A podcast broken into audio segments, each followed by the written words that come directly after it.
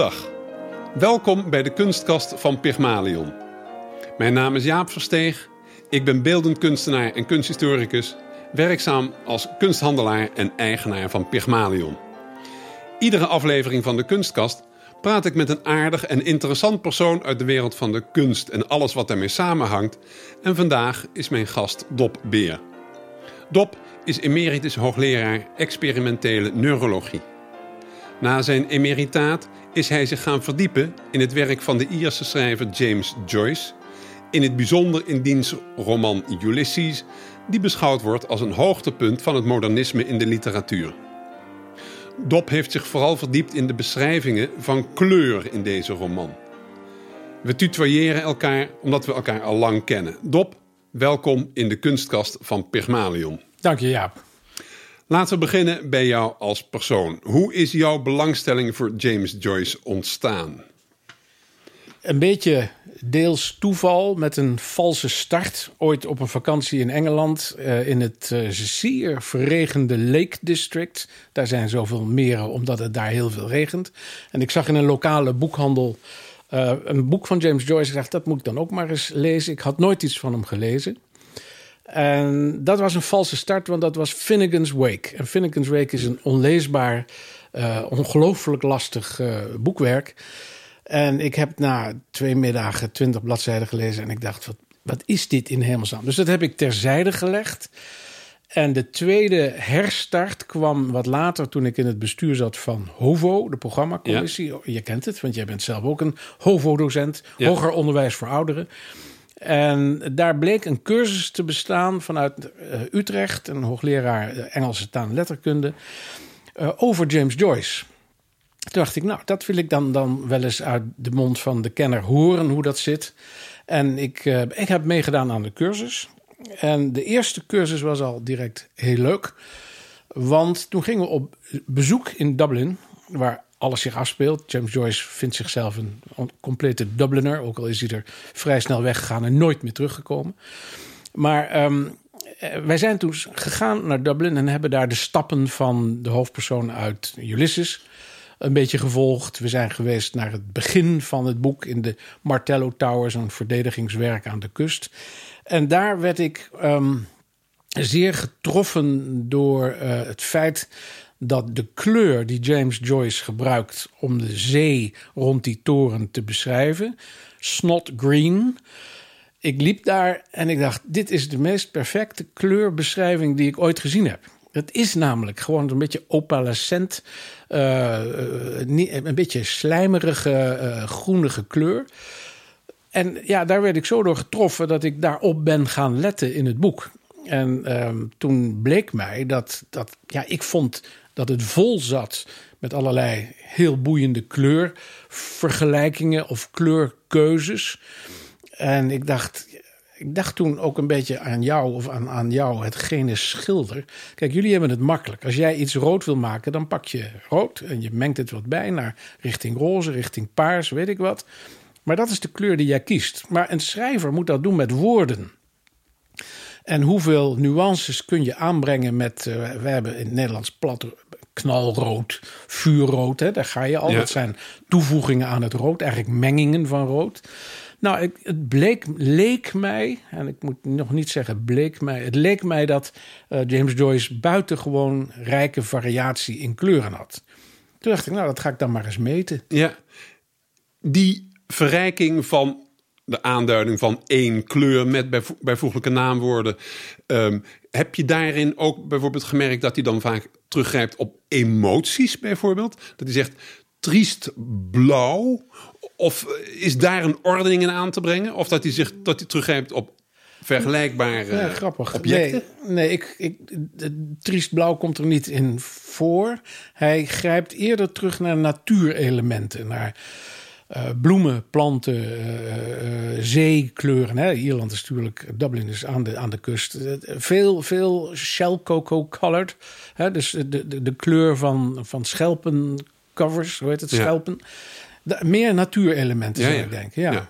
Voordat we dieper ingaan op het, de benoeming van kleuren in Ulysses... misschien toch ook voor de luisteraar een kleine introductie. Ehm, Ulysses, kan je dat kort beschrijven? Beschrijft mijn zinziens uh, nog geen 24 uur in het leven van één persoon. Klopt dat? Ja, eigenlijk twee personen. Het is, uh, ja, ik, ik, ik mag geen echte uitspraak doen over dat boek, want ik ben geen deskundige. Maar het is een beetje de tocht van een vader, Leopold Bloem, die een overleden zoontje heeft gehad samen met zijn vrouw Molly. En uh, het is toch geen twaalf uur, hoop ik. Hè? dus ik vind het wel mooi. Het is, het is bijna het einde van de dag van, uh, van, van uh, Leopold Bloem. Um, hij, is, hij, hij, hij mist een zoon. En tegelijkertijd loopt door Dublin heen um, uh, Steven Dedalus, die uh, eigenlijk op zoek is naar een vader. En die twee zou je zeggen, nou dat is een mooie match, maar die komen elkaar pas heel laat in het boek tegen. Maar ze eindigen wel midden in de nacht, vandaar die mooie twaalf van zo net, uh, in het huis van, van, van uh, Bloem, Leopold Bloem. En, en hebben daar een, een kort moment samen. En hij nodigt zelfs uit, uh, blijf hier wonen. Maar het is onduidelijk of dat ook gebeurt. Daar, daar is het einde van het boek. Dus het is een omzwerving door Dublin met, met alles wat daarbij hoort. Een begrafenis van iemand ja, de, het, is, het is een uiterst kleurrijk, daar gebruik ik het woord expres, kleurrijk en rijke beschrijving van wat er in Dublin die ene dag, 16 juni. Maar met een duidelijke verwijzing naar de klassieke mythologie. Want je noemt net al een naam, Daedalus. Dat is natuurlijk ja. Daedalus, die wij allemaal ja. kennen uit de klassieke mythologie. En de titel Ulysses is natuurlijk ook hè, Odysseus, die wij kennen. Um, Komt die vergelijking met de klassieke mythologie vaker terug in het boek? Ja, zeker. Alleen al als je kijkt naar de namen van de episodes waarin het boek is geschreven, 18 stuks. Daar zie je Circe, daar zie je Hades, daar zie je Telemachus. Dus dat is een heel duidelijke link voortdurend die er speelt.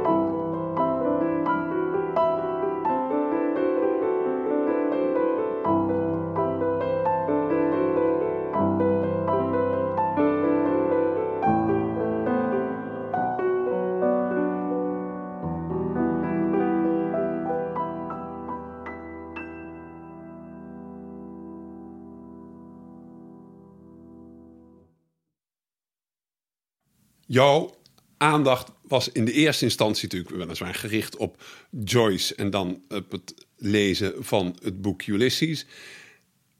Ik begreep van jou dat jij je bent gaan richten ook op de kleur omdat dat een aspect was wat nog niet eerder zeg maar, in kaart gebracht is. En jou de mogelijkheid gaf om het werk goed te doorgronden.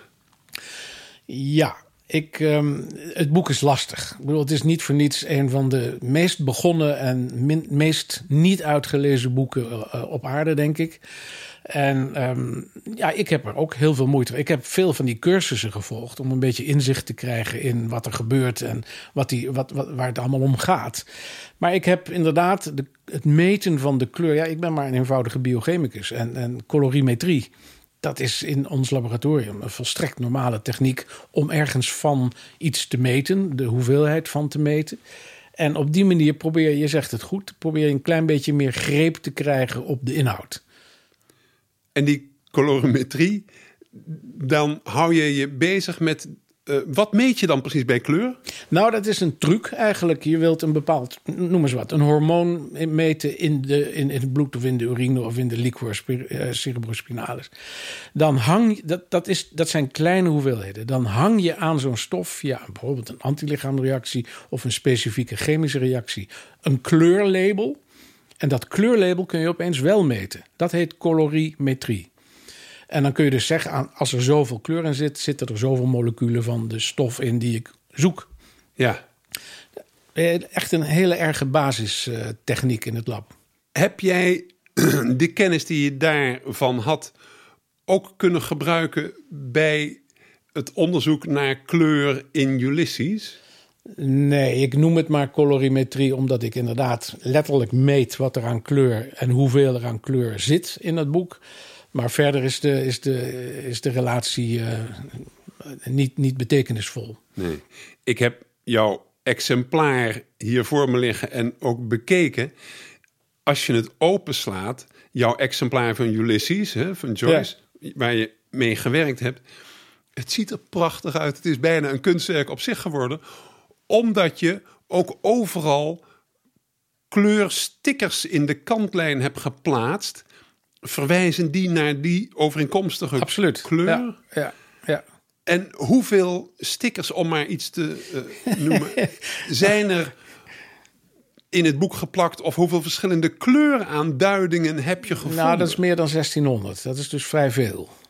En die stickers heb ik uh, in grote hoeveelheden. Uh, ik heb ze nog niet geteld. Maar um, nou ja, zo is het wel begonnen. Ja, ik, ik, ik, begon eigenlijk heel simpel. Ik dacht, weet je wat? Ik tel gewoon de kleuren van de regenboog. Dat is niet helemaal zonder betekenis. Uh, Bloem noemt ergens het woord Roig Biv. Dat is de, de, het ezelsbruggetje wat hij geleerd heeft om de kleuren van de regenboog te onthouden. Red, orange, yellow, green, blue, indigo, violet. En ik dacht, nou, die ga ik dan maar meten. Hoe vaak komen die woorden voor?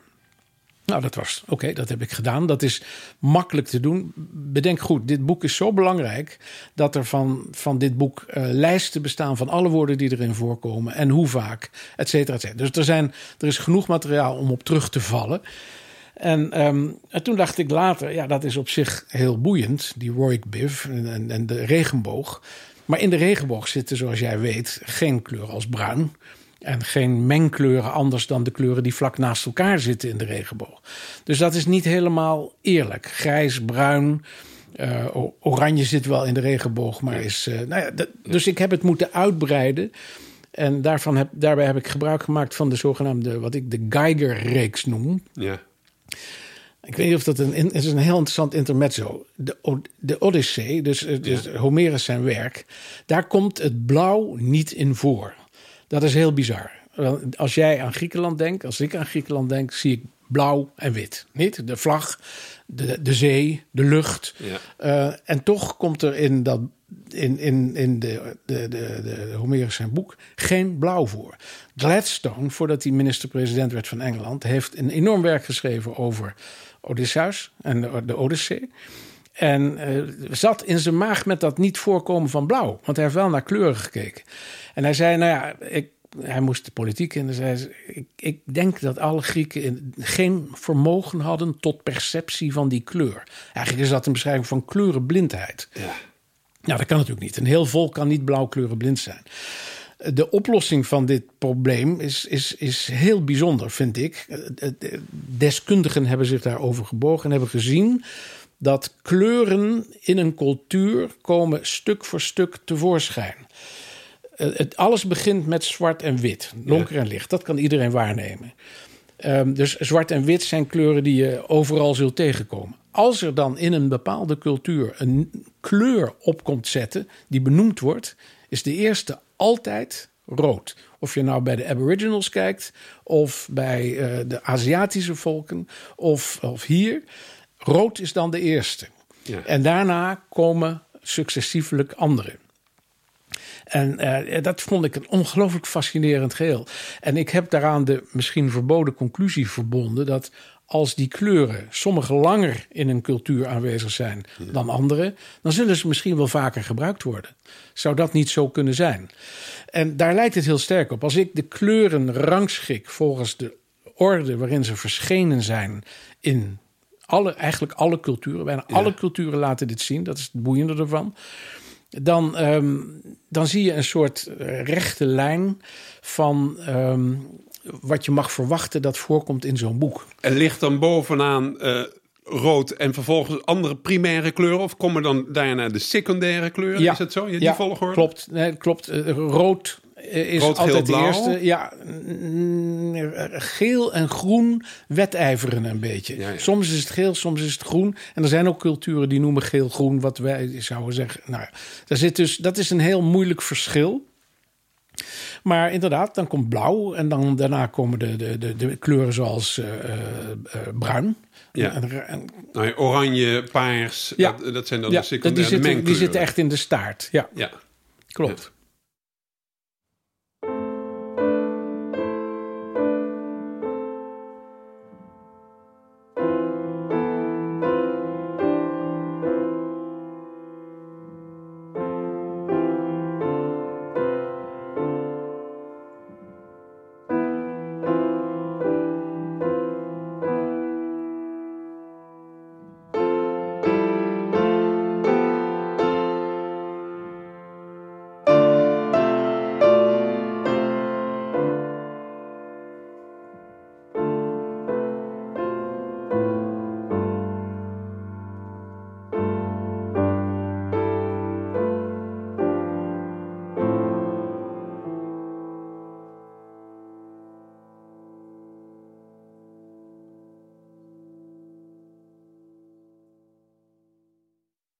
Ik veronderstel, ik weet het niet, dat jij hebt geteld hoe vaak er een vorm van rood, hoe vaak er een vorm van, Ja. noem het maar, welke kleur. Welke kleur komt het meest voor in Ulysses? Nou, is dat ik- een rode? Ook? Ja, dat, dat is een interessant probleem, want zwart en wit komen het vaakst voor. Maar dat zijn geen kleuren. Ik, ik hoop dat je dat met me eens Ja, bent. dat ben ik met je eens. Zwart is het opslobberen van al het licht wat erop Ja. valt. Wit is de reflectie van alle kleuren terug. Exact. Maar toch worden ze beschouwd als kleuren. Mensen zullen toch altijd zeggen: zwart en wit zijn kleuren. Dat kun je, kun je opbrengen. En rood is zeker de meest voorkomende daarna. En ehm, ja, dat is, eh, dat, is, dat is goed te zien. Ik, heb, ik moet even er iets bij zeggen, want ik moest toch eh, wat, wat ingrepen doen in hoe ik kleuren zie eh, en benoem vooral. Rood is glashelder. Maar wat doe ik dan met knalrood? Of wat doe je met roodbont? Dat zijn, eh, dat zijn geen directe kleuren meer. Dat zijn wat ik noem co- compound terminologie. Waar iets, een kleur is samengesteld met iets anders. Je hebt ook eh, alternatieven voor kleur. Hè. Rood kan ook vermiljoen of, of kan scarlet, scharlaken of kan allerlei, eh, bijna vaak, vaak chemische stoffen eh, zijn waarbij kleuren of mineralen eh, eh, gebruikt worden. Ja. Dus die heb ik dan ook maar ingedeeld in die vier klassen. Alternatief, direct, indirect en compound. Ja, eh, ja je moet, eh, anders, anders is het niet meer bij te houden. Ja. En ehm, ja, dus, ik, dus vandaar ook die stickers. Ik heb dus Ja. van alle kleuren ook de onderverdeling gemaakt in alternatief, direct, indirect, et cetera. En de meest voorkomende kleur is rood. Eh, Als we zwart en wit even overslaan, jazeker. Second best. Ehm, nou, dan moet ik eventjes in mijn boek kijken natuurlijk. Want dat kan ik allemaal niet zomaar uit mijn hoofd eh, zeggen. Ehm, eh, ja, second best is toch, toch zeker eh, geel en groen. Geel en groen, nogmaals, die zitten vaak dicht bij elkaar. Geel en groen en dan komt blauw. Ja. Ja. En de ultieme, uh, de vraag die natuurlijk bij iedereen denk ik nu opkomt is... Wat zijn, of kan je een opsomming geven, want je noemde het snot green, snot groen. Maar zijn er nog andere, ongetwijfeld heel veel, mooie, bijzondere, unieke, poëtische, spirituele kleuraanduidingen die absoluut, niet gebruikelijk zijn? Absoluut, absoluut. Snot Green vind ik niet heel erg. Het, is wel de mooiste, zo'n beetje. Ik ben er, het is mijn eerste liefde natuurlijk ook. Dat, dat helpt mee. Maar je kunt moeilijk in de lente tegen iemand zeggen: Wat heb je een schattig snotgroen jurkje aan? Dat ga je, daar ga je geen vrienden of vriendinnen mee maken. Maar ik vind het wel een heel mooie. De tweede, die ook heel erg in het begin van het boek zit, is Sausage Pink. En dat is om meer dan één reden heel mooi. Hij staat in een slager. Hij heeft zin in een niertje om te bakken, s ochtends bij het ontbijt. En voor hem staat een dienstmeisje waar, waar hij natuurlijk naar de heupen staat te gluren. Want het is een oude snoepert, uh, onze bloem. Um, en hij ziet intussen die slager met die dikke, vettige vingers van hem in zijn vleesvoorraad rommelen. En hij noemt die vingers van kleur, maar ook het type sausage pink, uh, worstroze. Ja, dat vind ik ook een juweel van een, van een woord. Het is zo mooi. En um, ik, hij maakt heel veel combinaties. Hè. Hij maakt met groen pea green, ertgroen. Of sage green van Sali. Of nou, snot green, dus sea green, zeegroen. Nou, ik vind zijn vindingrijkheid, dat is eigenlijk, dat noem ik het palet van hem. Hij heeft dus een palet met zo ontzettend veel kleuralternatieven en kleurnamen. Dat ik denk dat sommige schilders daar jaloers op mogen ja, zijn. Ja. Je, je had ook eigenlijk het idee dat we dit gesprek onder de titel het palet van de schrijver zouden kunnen uh, vangen. Ja, ja, leek mij een mooie, mooie, een mooie titel. Ja. Is het ook? Ja.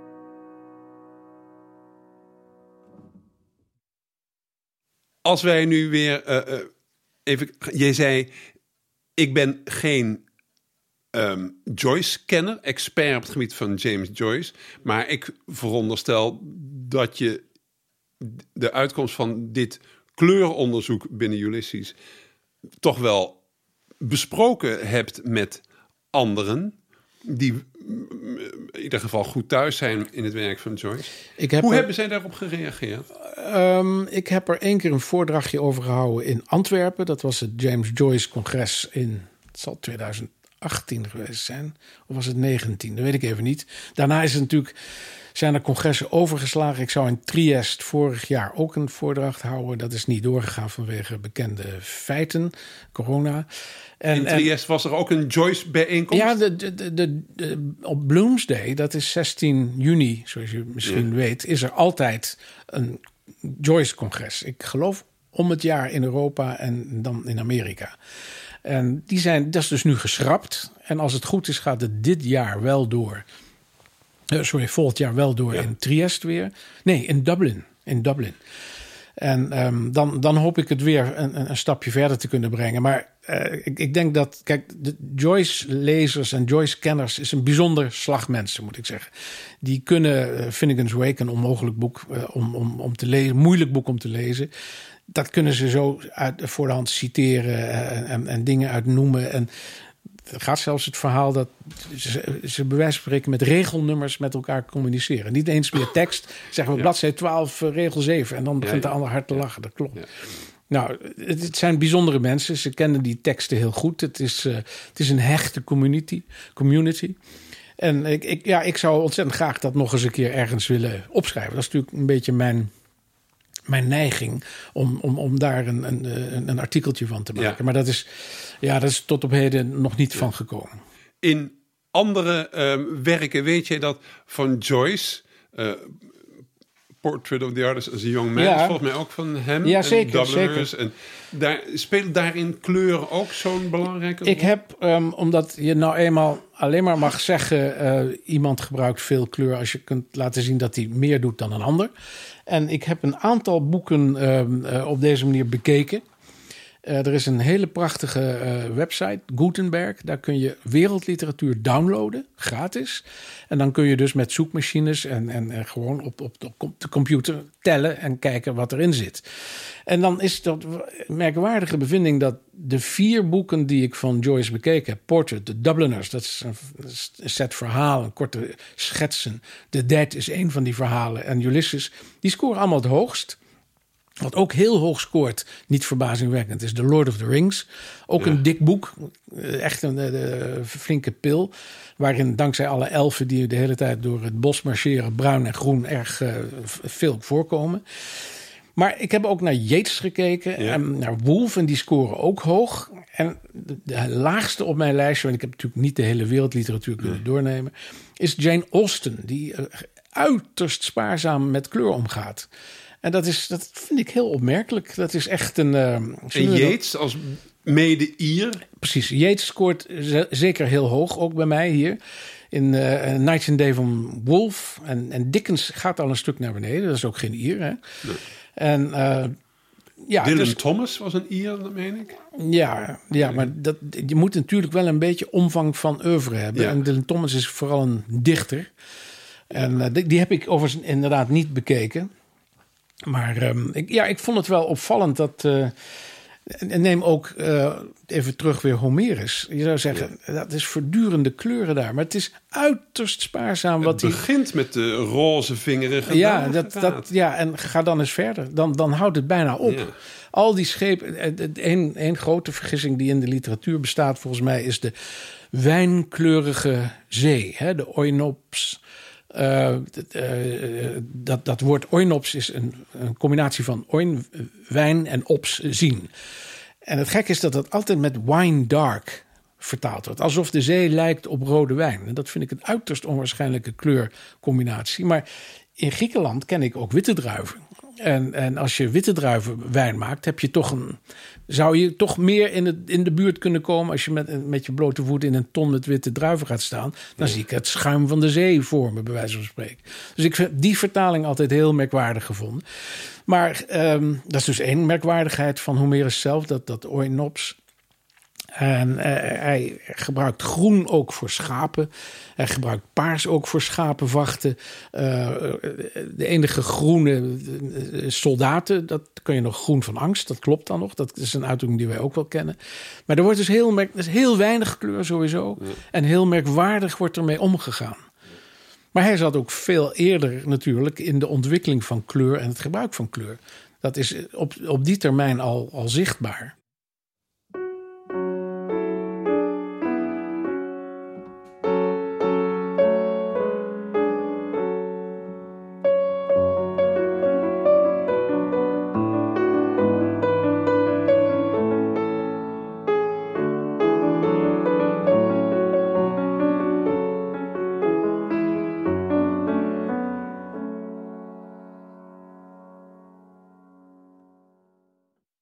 Is denk ik een, eh, bijna een understatement om te zeggen dat het niet makkelijk te, te lezen is, hè, Ulysses.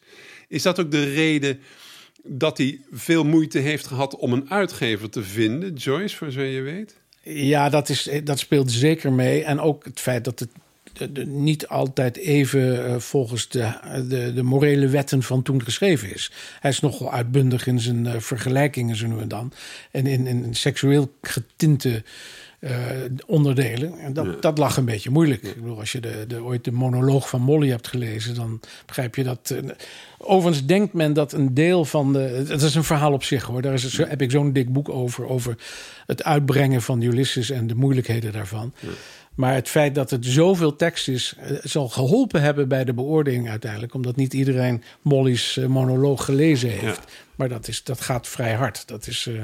Hij is uiteindelijk terechtgekomen in Parijs. En het is uitgegeven door een Amerikaanse dame, als ik het wel heb. Ja, hij is eerst begonnen in Trieste. Dat was zo leuk van het congres wat we daar zouden hebben. Daar is hij aan een Berlitz school leraar Engels geweest. En hij is uiteindelijk in Parijs terechtgekomen inderdaad. En mevrouw Beecham en, uh, heeft hem geholpen met, uh, met de, de, de, publicatie. Ja. En daarom zijn ook vooral de eerste delen van het boek. Zijn, je mag nooit over hoofdstukken spreken als je erbij wilt horen. Dan moet je het woord episoden gebruiken. Omdat ze in een krant geplaatst werden. Dat waren dus echt stukken van zo'n beetje 6000 woorden. Dat zie je ook telkens in de eerste vijf, zes hoofdstukken. Zijn kort, relatief kort. Later worden die hoofdstukken eindeloos veel langer. Maar dat komt omdat in het begin het in een krant is gepubliceerd geweest. Ja.